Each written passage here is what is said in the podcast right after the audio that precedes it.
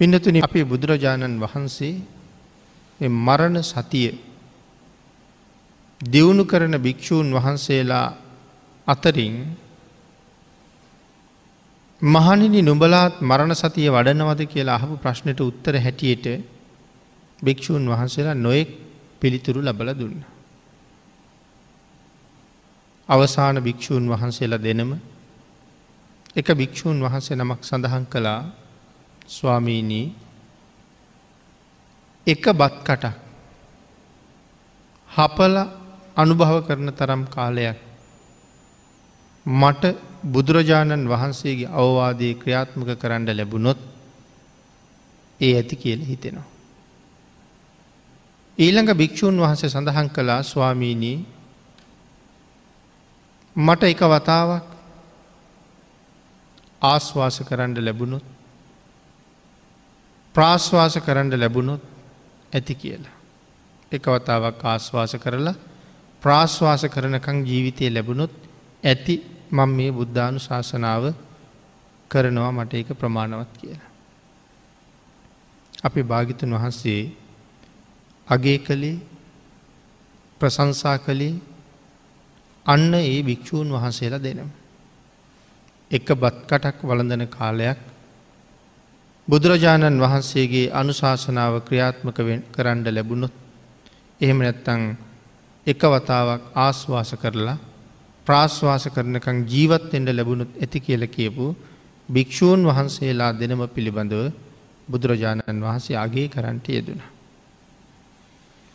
බුදුරජාණන් වහන්සේ මේ භික්‍ෂූන් වහන්සේලා සියලු දෙනාටම අවවාදයක් දුන්න. තස්මාතිහ භික්කවේ ඒවං සික්කි තබ්බා. මහනෙන්නේ සියලු දෙනාම මෙසේ හික්මිය යුතුයි. එම නිසා භික්‍ෂූණී වහවහා මේ ආකාරයෙන් හික්මිය යුතුයි. අප්‍රමාදීව වාසය කළ යුතුයි. මොන නිසාද මරණය ඉතාමත්ම ඉක්මනින් අපි හොයාගනේ නවා. කොයි වෙලාවේ මම ඩැහැ ගනීද ගොදුරු කර ගනීද කියන කාරණාව මෙලෝකෙ කිසි කෙනෙකුට කියන්න පුළුවන්කමක් නෑ. එ හැම වෙලාවකම ඒ හික්මීම අපි ගාව තියෙන්ඩම ඕනේ. කෙලෙස් නැතිකර ගැනීම පිණිස ඉතාමත් තිවුණු ආකාරයෙන් මරණ සතිය වැඩිය යුතුයි කියලා බුදුරජාණන් වහස දේශනා කරන. හික්මිය යුතුයි කියල කිවේ එකයි. මරණ සතිය කෙලෙස් නැති කිරීම උදෙසාම දියුණු කර ගණ්ඩෝඩේ. කෙලෙස් නැති කිරීම උදෙසා මරණ සතිය දියුණු කරනවා කියල කිය හම. පිනතින මැරෙන බව හැම වෙලාවිම ප්‍රත්‍යවේක්ෂාවක් කරලා තියෙනවනම් හැම වෙලාම මැරෙන බව සිහිපත් කරනවනම් ඕනෑවට වඩා එකතු කරගන්න ගොඩ ගහගණ්ඩ ඒ වෙනුවෙන් රණ්ඩු සරුවල් කරන්න නඩු හබ කියන්න දඟලන් නෑ ජීවිතය පිළිබඳව මනා අවබෝධයක් තිබුණන. ඒකයි මෙතන සඳහන් කළේ මෙ මරණ සතිය මනාව වැඩිය යුතුයි කෙලෙස් නැති කර ගැනීම පිණිස. අංගුත්තර නිකායේ චක්ක නිපාතයේ තියෙන පටම මරණ සති සූත්‍රයේ තමයි මේ කරුණු දක්වලා තිය. පිනතුන අපේ බුදුරජාණන් වහන්සේ මේ සූත්‍රයෙන් හය දෙනෙක්ගෙන් කරුණු විමසලා අන්තිම දෙදෙනා භාගිතුන් වහන්සේ ප්‍රසංසාවට භාජනය කළ බව අපි මුලින්ම සිහිපත් කළා. ඒ කාරණාටික අන්තර්ගත වෙන්නේ මේ අංගුත්තර නිකායි චක්ක නිපාතයේ තියෙන පටම මරණ සති කියන සූත්‍ර දේශනාව. බුද්ධානු ශාසනාවට යමෙක් හරියටම කීකරු වෙනවන එක හරි වටිනවා. කුමක් සඳහාද මේ භයානක සංසාරයෙන් එතරවීම සඳහා භාගිතුන් වහසගේ අනුශාසනාවට අපි කීකරු ඒ යුතුමයි. සංසාරය හරි භයානකයි. ඒ භයානකයි කියන වචනය අපිට තේරෙන්නේ නැති තරමටම සංසාරය භයානකයි. නරක තිරිසං ප්‍රේත අසුර කියන සතරාපායේ තියෙන දුක මෙච්චරයි මෙපමණයි කියලා වචනවලින් කියලා ඉවර කරන්න පුළුවන්කමක් නෑ. සමහර ප්‍රේතාත්ම කුසගින්නේ සීමාවක් නෑ. අවුරුදු ලක්ස ගණන් ඉන්නවා බඩගිනි. බඩගින්නේ අවුරුදු ලක්ස ගානක් ඉන්නවා කියල කිය හම්. කවුරුවත් කෑම දෙන්න කෙනෙක් නෑ. පිපාසාව දැනෙනවා ඉවසන්ඩ බැරි තරං නමුත් අවුරුදු ලක්ස ගණන් පිපාසාවෙන් ඉන්නවා.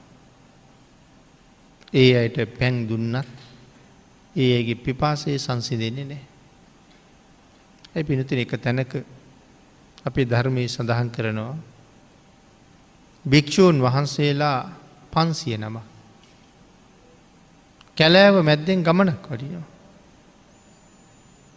උන්වහන්සල රාත්‍රයේ පහන් කරන්ඩ කැලෑවි තියෙන ගලක් උඩට ගොඩ වුණ. ටික වෙලාවක් යනකොට මේ භික්‍ෂූන් වහන්සේල කණ්ඩායමේ ප්‍රධාන භික්‍ෂූන් වහන්සේට තේරුණා මේ ගල හිටි ගමන් හෙලවෙනවා කියලා. උන්වහන්සේ ගල දිගේම ඇවිදගෙන ගිය. කෙරවලට ගිහිල්ල බලහම මේ ගලක් නෙමෙයි මේ එන්නේ විශාල ගල් ප්‍රේතයෙක්. මොනවද ඕනෙ කිය ලැහුවා. අපිට මොනවද ඔබ වෙනුවෙන් කරන්න පුළුවන් කිය ලැහුව. අනේ ස්වාමීනී ඉවසුන් නෑ මට පිපාසයි කියල කිව්වා. එතන භික්‍ෂූන් වහන්සේලා පන්සීයක් හිටිය. ඒ අවට පොකුණක් තිබුණ. රැයක් එලි වෙනකං මේ ස්වාමින් වහන්සේලා එක්කෙනෙක් දානෙ වලදන පාත්තරෙන් වතුර පාත්තරා පන්සීයක් මේ පෙරේතයාගේ කටට වක් කළා. එතකොට පන්සිය නමක් ඉන්නවා. එක්කෙනා පන්සිය ගානේ වතුර පෝහම එලිවෙනකොට වතුර පාත්තර විසි පන්දාහක් පෝල. එලිවුනාට පස්සේ උන්වහන්සලා ආපහු වඩින්ඩ ඕනේ. මහතෙරුන් වහන්සේ ඇහුවා දැන් ඇද්ද කියලා. ප්‍රේතයක් කොහොම උත්තරයක් දෙන්න ඇද්ද. ස්වාමීනී රැයක් පහන් වනතුරු ඔබෝහන්සෙල මට දුන්න වතුර තාම මගේ උගරෙන් පල්ල හැට ගියනෑ කියලකී. වතුර දුන්නත් ඒ පිපාසයේ නිමණ්ඩ බෑ. ඒ තරන් දුක්කිතයි ඒ ජීවිත. නමුත් ප්‍රේතයක් කියනවා ස්වාමීනී දැම්මගේ ප්‍රේත ආයු කාලය ඉවරයි. තව ටිකකින් මට ගිනි ගන්නවා. ගිනිගන මැරිලා මවාවීචියට යන. ඔබ වහන්සේලා වහාමයින් වෙඩ කියලා. සඳහන් කරනවා ප්‍රේත ශරීරය ගිනි ඇවිල්ලා නැගෙන ආලෝකයෙන් උන්වහන්සේලාට වනාන්තරයෙන් එලියට යන්ට රාත්‍රීන් පහන්ඩුනා කියලා. වෙනත් රාත්‍රීන් වල එලියට යන්ඩ ආලෝකයේ සැප වුණා. එතකොට ප්‍රේතයක් කොච්තරන් ලොකුවට ඉන්ඩ ඇත්. මේවාගේ ප්‍රේතාත්ම අදත් තියෙනවා. අපේ පියවිය හැට පේන්නේ. ලක්කන මහරහතන් වහන්සේ මුගලන් මහරහතන් වහන්සේ මේ කරුණු හුඟ සාකච්ඡා කරපු තැන් ත්‍රපිටකේ තියෙන. බුදුරජාණන් වහන්සේට ගිහිල්ල කියහම ස්වාමීණි මෙන්න මේ විදිහ අරුම පුදුම ප්‍රේතයෙක් අද ගිජුකුළු පව්ව බැහැගෙනෙනකොට දැක්ක කියලා. සඳහන් කරනවා මහනිනී මම ඔය ප්‍රේතය දැක්කේ බෝ මැඩ වැඩ ඉන්න කාලෙමයි. කෙන බුදුවෙච්ච වෙලාවෙමයි. බුදුවෙච්ච කාලෙමයි. සත් සති ඇතුළෙමයි මං ඔය ප්‍රේතය දැක්ක. නමුත් අද වෙනකං ප්‍රේතයා ගැන මම කාටවත් කීවෙනේ. ඇයිඒ පිළිගන්නේ නෑ මිනිස්සු. මේ තරන් දුක්කිත ජීවිත තියෙනවා කිවෝ.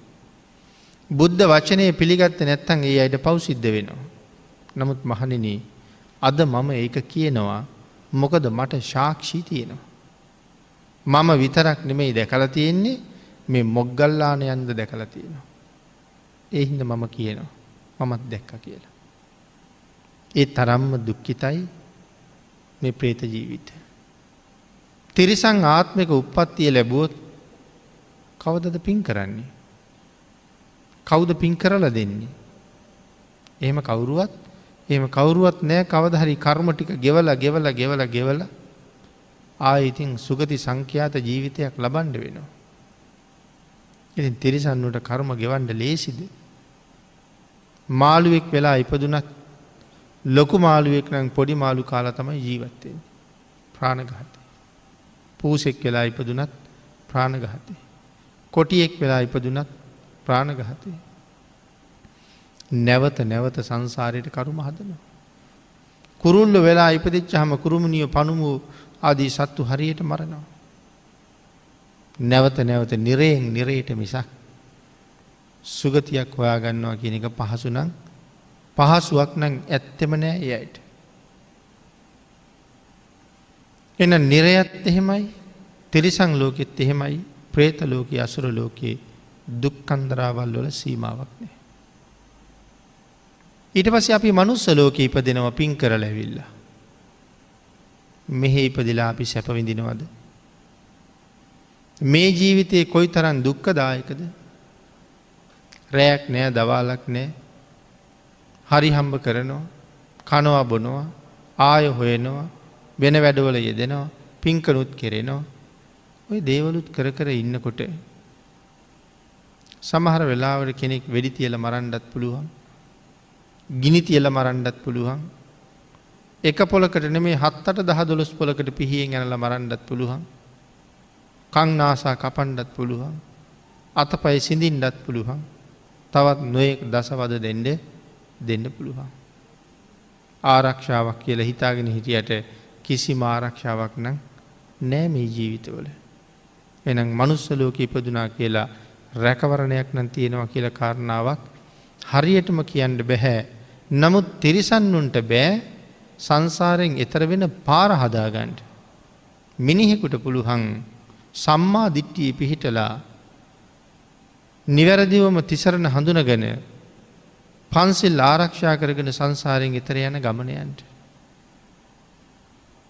ඒකටත් මේ ජීවිතෙත් පින්කං කර කර මොකද කරන්න ඕනි ප්‍රාර්ථනාම කරන්න වෙන. පින්කං කර කර ප්‍රාර්ථනා කරන්න ඕන. මොකටද සම්මා දිට්ටික වෙලා උපදින්න ඕනේ ඉසරලා. අද මේ විදිහට බෞද්ධ පවුලක ඉපදිලා බොහොම පින්කං කර කර ඉන්නවා. ඊළඟට මැරිල ගිහිල්ල මිත්‍යා දෘෂ්ටික කුලේක ඉපදුනොත් බුදුරජාණන් වහන්සේ විශ්වාස කරලා ආපහු බුද්ධාගමට එයිද.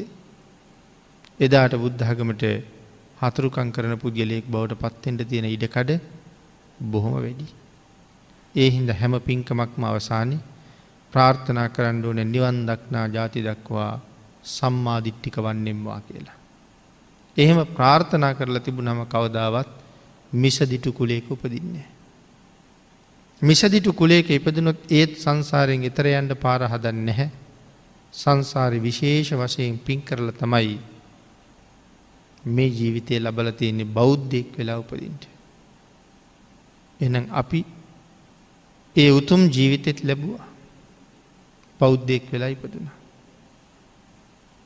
එතකොට හැබෑම බෞද්ධයා බුදුරජාණන් වහන්සේ දේශනා කරපු පාරි ගමන් කරන කෙනෙ. සංසාරයෙන් එතර යන්ඩ වීරය වඩන කෙනෙ. අතීතයේ ඕන තරන් සංසාරයෙන් එතර ගිය. වර්තමානත් බෞද්ධය ඕන තරන් ඉන්නවා. එතකොට මේ කාලේ එතර යන්ට බැරිවෙයිද. රහතන් වහන්සේලා මේ කාලි පහළ වෙන්න නැතිවෙයිද පහළ වෙනවා හොඳටම. ඒක බුදුරජාණන් වහන්සේ දේශනා කළේ. එතොට මොකේද අඩුවක් තියෙන්. ධර්මය අඩුවක්ද ධර්මය නම් කිසිම අඩුවක් තාම තාම නෑ අපිට අවශ්‍ය ප්‍රමාණයට ධර්මය තියෙන. එතට කවුරු ගාවද මේ අඩු පාඩුව තියෙන.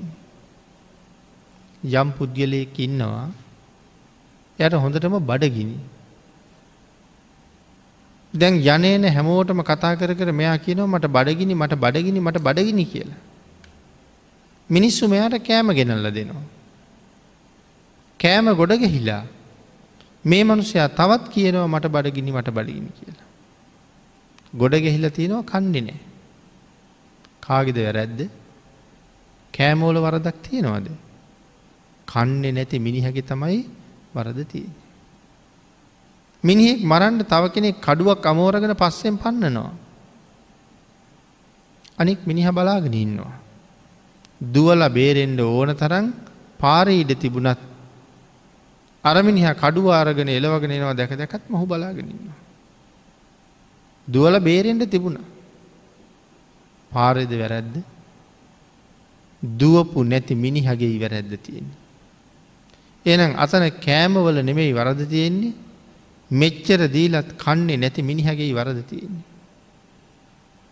මහාකල් පාසංක්‍ය හතරයි ලක්ෂ එකක් සංසාරි දුක්විඳලා පාරමිතා පුරාගෙන ඇවිල්ල ඔබට මට මේ නිර්මල ධර්මරත්නය දානය කලා සම්මා සම්බුදුරජාණන් වහන්සේ.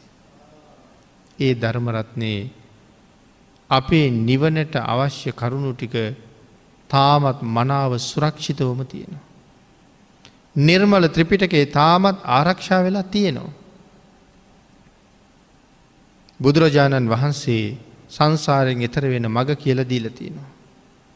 මහනින මෙන්න තියෙනවා රුක්ෂමූල මෙන්න තියෙනවා ශූන්‍යයාගාර වීර්ය වඩන්ට. නමුත් එහෙනම් වරද තියෙන්නේ යෙදෙන්නේ නැති අපේ තමයි වරද තියෙන්නේ. ධර්මයක් තියෙනවා සංඝයක් ඉන්නවා භාගිතුන් වහසෙත් වැඩ ඉන්නවා කාරණාවට යෙදෙන් නැති අපි තමයි වැරදිකාරය.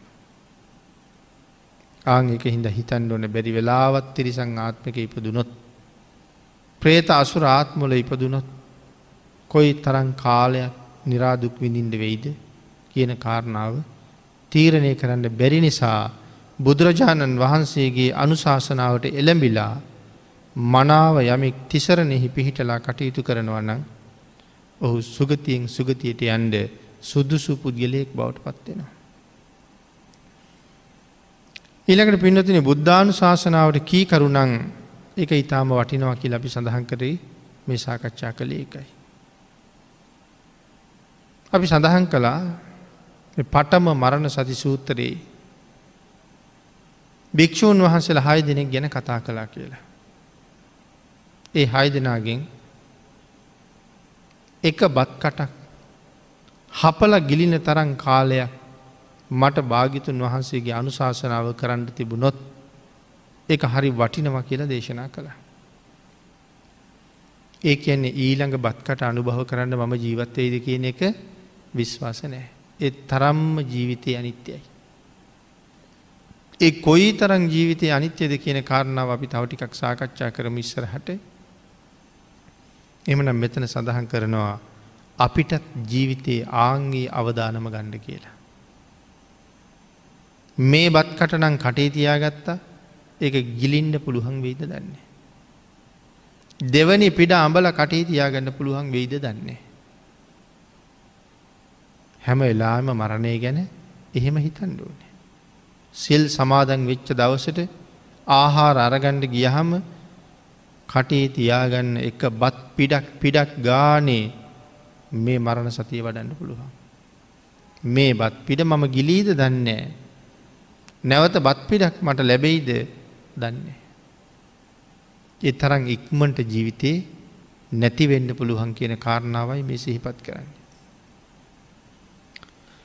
ඊළඟට සිහි නැතුව එකම බත් පිඩක්වත් අනුභව කරන්න එපා කියලයි භාගිතුන් වහස දේශනා කරන්න.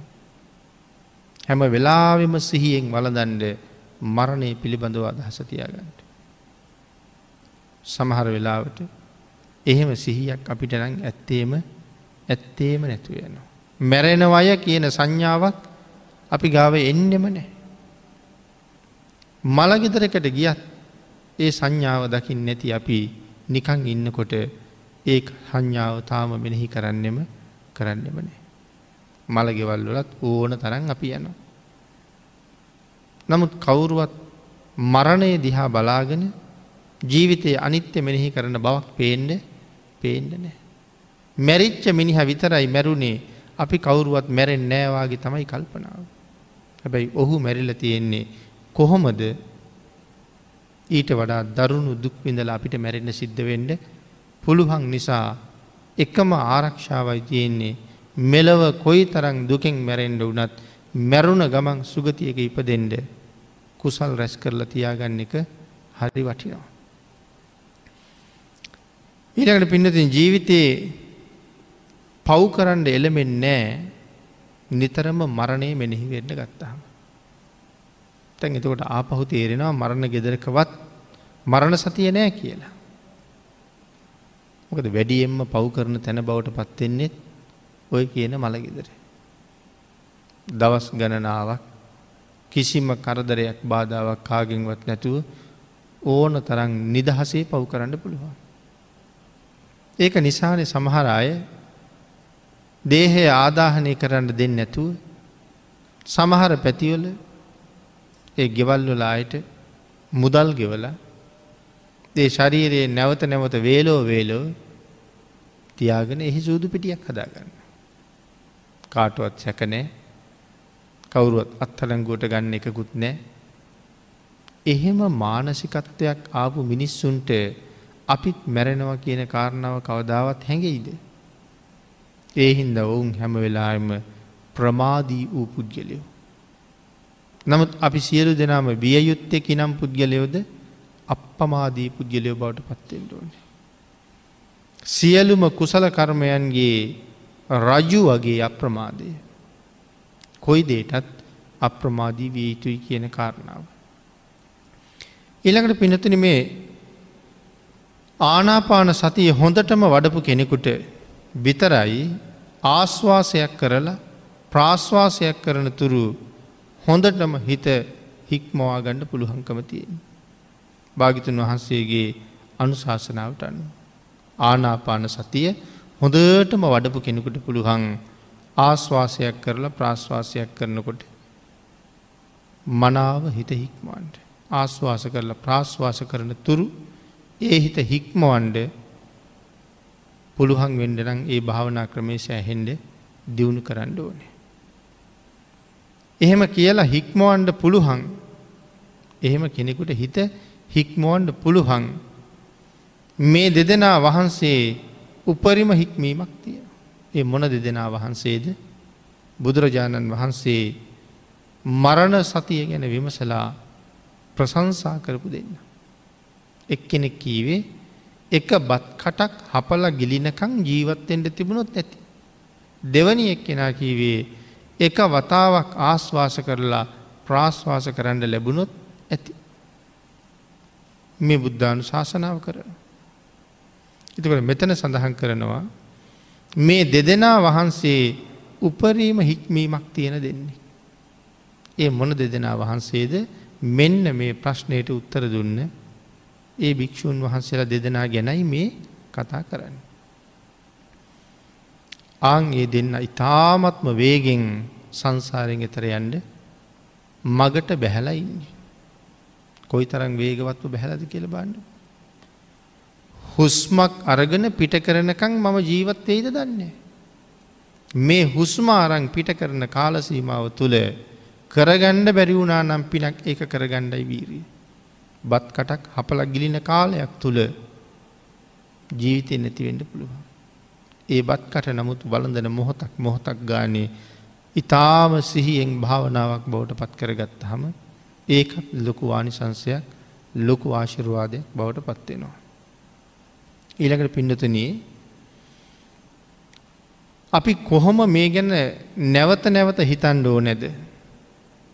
අපි කර කර ඉන්න වැඩත් එක්ක මේ යෙදෙන ප්‍රමාණය සංසාරයෙන් එතර වෙන්ඩ ඇද්ද. මේ භික්‍ෂූන් වහන්සල දෙනවනං අතිශය යුහසුළුව යෙදෙනවා.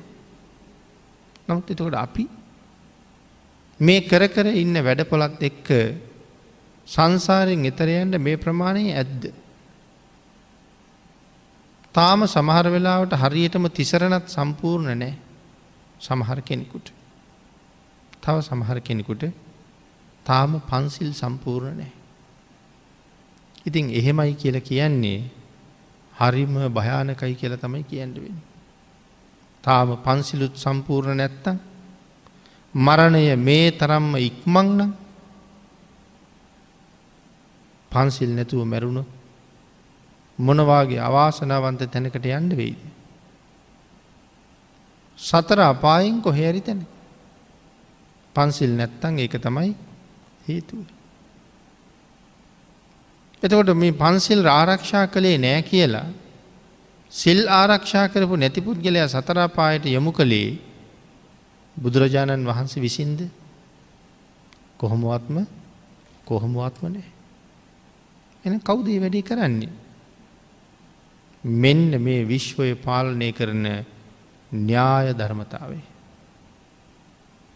පන්සිල් නැත්තන් දඩුවන් කරනවා. ඒ විශ්ව න්‍යාය තමයි ඒ දඩුවම කරන්න. ඒ විශ්ව න්‍යාය පත්තරයේ ප්‍රධාන වගන්ති තියෙනවා පහක්. ඒ නීතිපොතේ ප්‍රධාන වගන්ති පහ අනු වගන්ති ඕන තර. ප්‍රධානතම වගන්ති පහ පළවෙනි එක තමයි ප්‍රාණඝාතය. අදත්තාදානය කාමමිත්‍යාචාරය මුසාවාදය සුරාපානය. නීතිපොතේ ලොකු නීතියක් කැඩුවොත් දඩුවම වැඩී එනම් ස්වභාව ධර්මයගේ නීතිපොතේ මේ නීති පහෙන් එකක් කැඩුවොත් දඩුවම උපරිමයි. එතන උපරිමයි කියල කියහම. එක සතෙක් එක පාරක් මරහම මටත් සංසාර එක පාරක් නං මැරෙන්ඩ වෙන්නේ කමක් නෑ. නමුත් එක සතෙක් එක පාරක් මරහම ඒ එක සතා වෙනුවෙන් මට සිය දහස් වර මැරෙන්ඩ වෙන එකයි සංසාරය දුක. ආං ඒකටනේ ප්‍රාණගහතෙන් වලකින්න කියලා දේශනා කළේ. ඒ එක සතෙක් වෙනුවෙන් මැරි මැරි උපදින වාර ප්‍රමාණය කොච්චරද කියන එක තහවුරු වෙන්නේ සතා මරන්ඩ ගත කරන කාලයක්ත් එක්. නීතිය කඩන්ඩ ගත කරන කාලයක්ත් එක්. මදුරුවකුට ගහන එක නම් තප්පර ගාන. මදුරුවටත් තියෙන ජීවිතය අලියට තියන්නේ ජීවිතය දෙකම කළොත් ප්‍රාණගහතයමයි වෙන්නේ හැබැ අකුසලේ වෙනස් වෙනවා. හේතුව මදුරුවෙක් මරණ තරන් ඉක්මනට අලියෙක් මරන්න පුළුවන්කමක් නෑ. දේශය පදනම් කරගෙන අලිය මරන්ඩ ගත කරන කාලයත් එක්ක අපේ හිතේ උපදින විපාක සිත් ගණන කොච්චරක් වෙයිද තප්පරයකට සිත් කෝටි ගානක් උපදිනවා. එතකොට අලිය මරන්ඩ විනාඩි පහළවක් ගත වුණු. සිත් කොච්චර උපදීද. ඔය සිත් අතර තියෙන විපාක සිතක් සිතක් ගානෙ මට විපාක දෙනවා. ඒකයි මම කිවේ දෙකම ප්‍රාණගහත ප්‍රමාණය හැටියට යෙදෙන හැටියට අකුසලේ වෙනසක් අකුසලේ වෙනසක් තියෙනවා කියලා. ඊළඟට පින්නතුන අපි යෙදෙන ප්‍රමාණය මදි කියලන අපි මේ කතා කර කර හිටියේ. එහෙමනම් නිවැරදිව තිසරණ සහිත පන්සිල්ලෝට අන්ඩ වෙනවා. පෝයට අඩුම තරමේ මාසකට දවස් හතරක්වත්. පූර්ණ උපෝසතයක් සමාදන් වෙන එක හරි වටිනවා. පූර්ණ උපෝසතයක් කියලකීවි පැය විසි හතරක් එක දිගටම ආරක්ෂා කරන සීලේකය දෙන්න ඕනේ. මේ බුද්ධහග මේ අර්ධ උපෝසත ගැන කොහෙවත් කොහෙවත් නෑ. කූට විනිශ්චකාර වස්තුව කියල එක තැනක පෙන්නනවා කාරණාවක් වරුවක් සෙල්රකපු කෙනෙක් ගැන. ඊට අමතරව කොහෙවත් මේ අර්ධ උපෝසතයක් ගැන කතා කරන්න පූර්ණ උපෝසතයක්ම තමයි බුදුරජාණන් වහස කතා කරන්න. අපිට බැරිනං මාසකට එක දවසක් පැය විසිහතරක් සිල්ගණ්ඩ තාම අත්හරින්ඩ එතකොට නෙමෙයිද තේරෙන්නේ සංසාරය අත්හරින්ට තව කොහෙද සුදුසුකං අපිට කියලා. පැය විසි හතරක් ගෙදරත් හැරල ඉන්ඩ බෑ. ඉතින් එහු අපි කොහොම සංසාරයක් හරින්ඩද. සිල් සමාදන් වනා කියලා හිතාගෙන විතරක් ඇවිල්ල තියෙනවා. නමුත් ඒවා සම්පූර්ණ සම්පූර්ණනය. හේතු විකාල භෝජන කියන ශික්ෂාපදය කැඩෙන්නේ මධ්‍යාහනයෙන් පස්සේ. උදේ ගෙදරට කියලා එනවා මම පහට විතර ආපහු එනවා කියලා. උදී ඇවිල්ලා විකාල භෝජනාවේරමනින් කියල සමාදන් වෙනවා. පහට විතර සිල් පවාරණය කරලා ගිහිල්ල රාත්‍රිය ආහාර ගන්නවා. එනම් පහට විතර මම යනවා කියන කාරණාව තුළම රෑට ආහාර ගන්නවා කියන කතාව තියෙනවා. ඉතින් එතකොට විකාල භෝජනා වේරමණී සික්කාපදන් කියලා උදේ කියනකොට ඒ ප්‍රකාශයම මුසාවාදා. ඒ කල භෝජනින් බලකින්න කල්පනාවක් නෑන හැන්දැව ගෙදර යනවන ප්‍රකාශයම ප්‍රකාශයම මුසාවාද. එතකොට එහෙනම් එහෙම නොවෙන්ඩුවනේ. සිල් අරගෙන ගෙදර ගියාට කමක් නෑ සිල් මත ඉන්ඩුවනේ. ගෙදර ගියා කියල සිල්බි දෙන්නේ න. ඉතින් එහෙනම් අපි යෙදෙන ප්‍රමාණය මදි කියල කියන්නේ. පන්සිල් ආරක්ෂා කරන්නෙත් නෑ. අටසිල් ආරක්ෂා කරන්නෙත් නෑ. හරියට බනාහන්නෙත් නෑ. හරියට දන් දෙන්නෙත් නෑ. ගුණවන්තයෝ අඳුරන්නෙත් නෑ.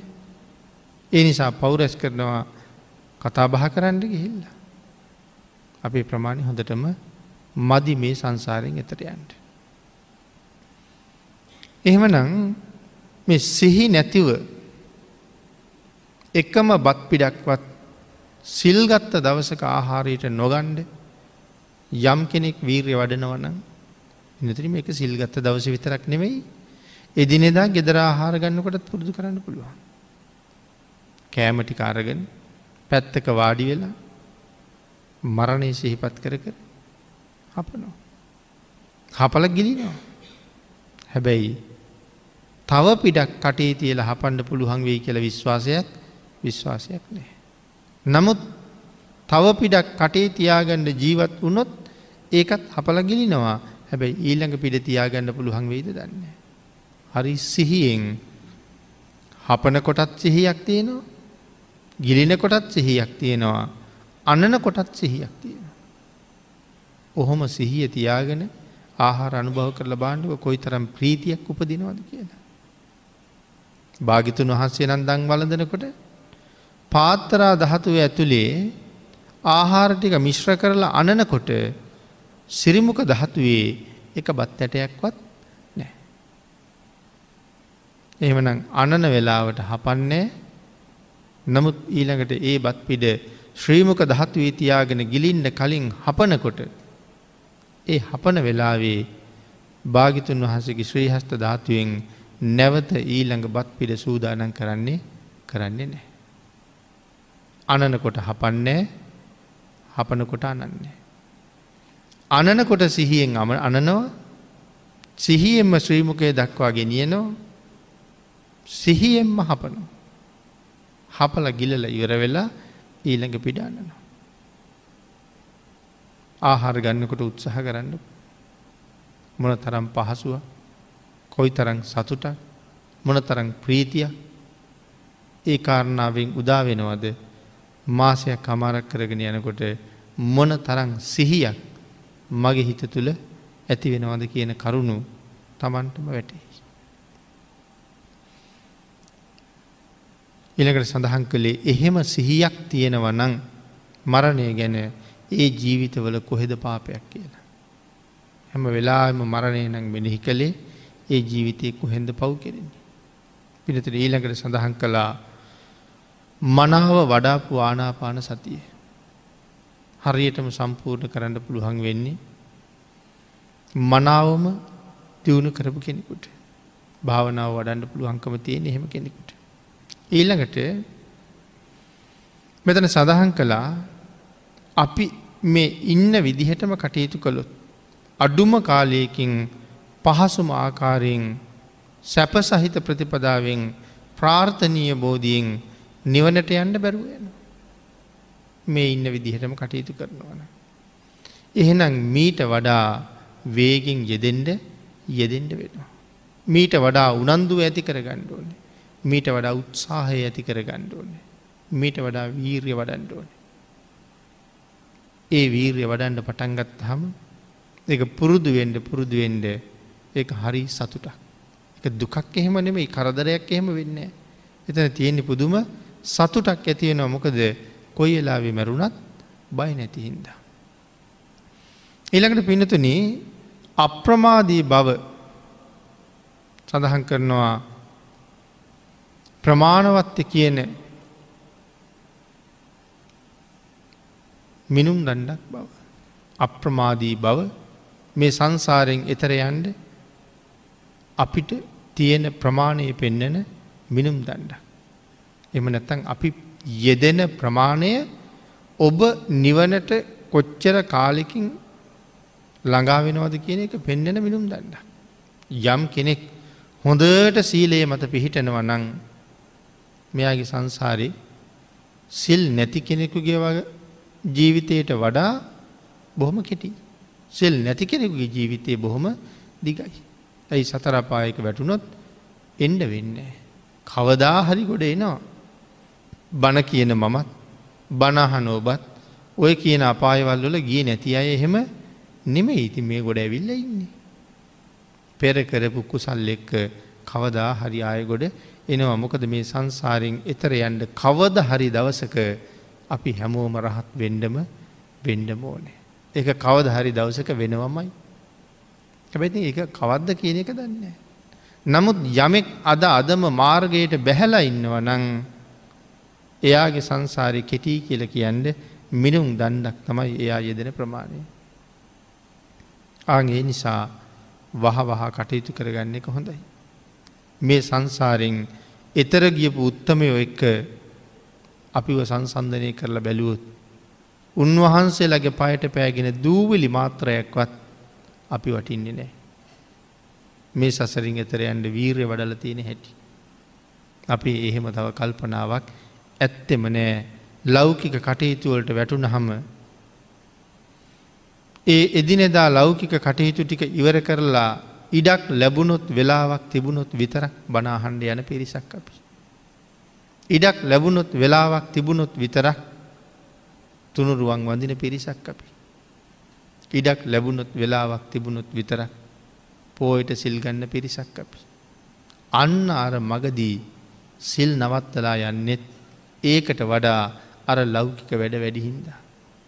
ගෙදර ගිහිල්ල හවස කරන්න වැඩ ටිකකුත් තියෙනවා රෑලි වෙනකං කරන්න වැඩ ටිකකුත් තියෙනවා අනිදට ඉං අනිදර කරන්න තියෙන වැඩ සැලසුම් කරන්නත් තියෙනවා ඒවා සැලසුම් කරනවා මිසක් සංසාරයෙන් එතර යන හැටි සැලක සැලසුම් කිරීමක් නෑ.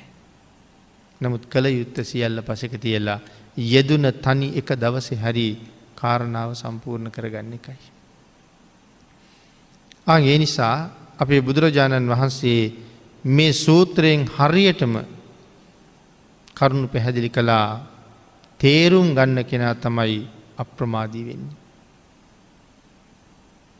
එකොයි කාරණාවද තේරුම් ගන්නේ අර භික්‍ෂූන් වහන්සේලා දෙනම කියපු කතාව. ස්වාමීණි මට එක බත් කටක් අනුභව කරලා ගිලිනකං කාලයේ තිබ්බොත් ඇති අනික් භික්‍ෂුව සඳහන් කළේ ආස්වාස කරලා ප්‍රාශ්වාස කරන කම්මන් ජීවත් වනොත් ඇති. අපිට සඳහන් කරනවා මෙන්න මේ කාරණාව හරියටම තේරුම් ගත්ත කෙනා ප්‍රමාදී වෙනවා කියලා. ජීවිතයේ ආයුෂ මේ තරන් කෙටි ඔය කාරණාව බණ කීයකින් අපි අහල ඇද.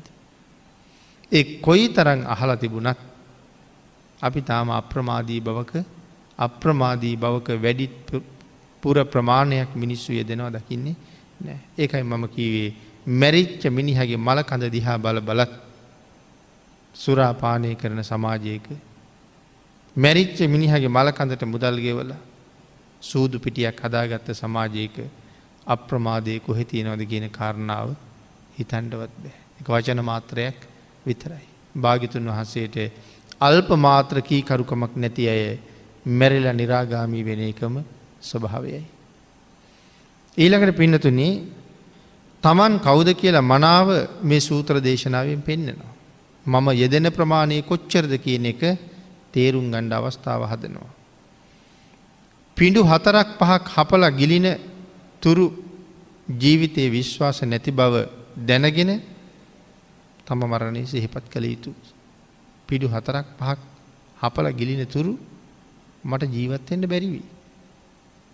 බත් පිඟාන බෙදාගෙන ඉඳගත්ත හම කාටද කියන්න පුළුවන් මේක ඉවර වෙනකං අනුභව කරනවා කියලා. එහෙම කියන්න බෑ. තේකෝප්පි හදාගෙන වාඩි වුණ හම කාටද කියන්න පුළුවන් මේ ඉවර වෙනකම් බොනවා කියලා. එහෙම ජීවිතයක් අපිට තියෙන්නේ. නමුත් අපි ගාව කිසිම බයක් සැකක් නෑ. මේ දැන් මැරුණොත්. මේ දැන් හුස්ම ටික ගියොත් ඊළඟට උපදින්ට තියෙන තැන් තමයි ඔය සතරාපාය. මෙතර මෙහෙම හිතාගෙන හිටියට. ආංගේක හින්දා සසර බය ඇති කරගෙන වීරය වඩන්ඩම වීරය වඩන්ඩ ඕනෑ. දුක කවදාවත් භාගිතුන් වහස අපිට මේ කරුණු පෙන්නුවේ දුක්වෙන්ඩවත් බයවෙන්ඩවත් නෙමේ. ජීවිතයේ මේ තරන් අස්තිරයි කියලා අනිත්‍යයි කියලා දේශනා කළේ දුක හිතෙන්ඩවත් බය හිතෙන්ඩවත් නෙමේ සතුටු වෙන්ඩ. මේ තරන් ඉක්මට බැරෙනවා කියනකට කාටද සතුටු වෙන්ඩ පුළුවන් එතකොට. නෑ මේ කරුණු පෙන්නහම පුද්ගලය අප්‍රමාදී වෙනවා. බොහෝසේ කුසල් රැස් කරනවා. මම සීලයෙන් පූරණය වෙලයි ඉන්නේ දානාදී පින්කනුත් දේශනා කරපු ප්‍රමාණයෙන් සම්පූර්ණ කරලයි තියෙන්නේ. මනාව සිල් තියෙන නිසා මැරුණ හම බයනෑ සතරාපායයි කියලා. සිල් තිබුණොත් මනුස්ස ලෝකෙ හෝ දිවිය ලෝක උපද්දවනු. සිල් නැතිවුණොත් සතරාපායේ කොහැරි ඇඟක් මට හම්බ වෙනවා. මේ ජීවිතයේ සිල්ගුණ ආරක්ෂා කරන ගමන් දම් පැන්දීල තියෙනවනං ඊට අනුරූප ජීවිතයක් මට ලැබෙනවා. මටත් හොඳට බවබෝග සම්පත් ලැබෙනවා ලොකු මහත් වනහම දිලිදු කාලේ ළමා කාලේ හොඳට කණ්ඩ බොන්්ඩ තියෙන සැප සතුට තියෙන ඇඳුම් පැළඳුන් තියෙන පවුල්ලල උපදිනවා. වස්ත්‍රාභරණවාගේ දේවල් පෙරදන්දීල තියෙන නිසා බලන්ඩ ලස්සන රූප සම්පත් ලැබෙනවා. සුවඳ වර්ගවාගේ දේවල් පූජා කරලා තියෙන නිසා මහ ප්‍රඥාවල් ලැබෙනවා. මෙට්ට කොට්ට පාපිසි පාවඩ වගේ දේවල් පාවහන් වගේ දේවල් පූජ කරලා තියෙන නිසා සැපදායක යානවාහන් ලැබෙනවා. දැන් මෙයා දන්නවා මගේ ජීවිතේ මෙන්න මේ දසදාන වස්තුවම මම සම්පූර්ණ කරලයි ඉන්නේ.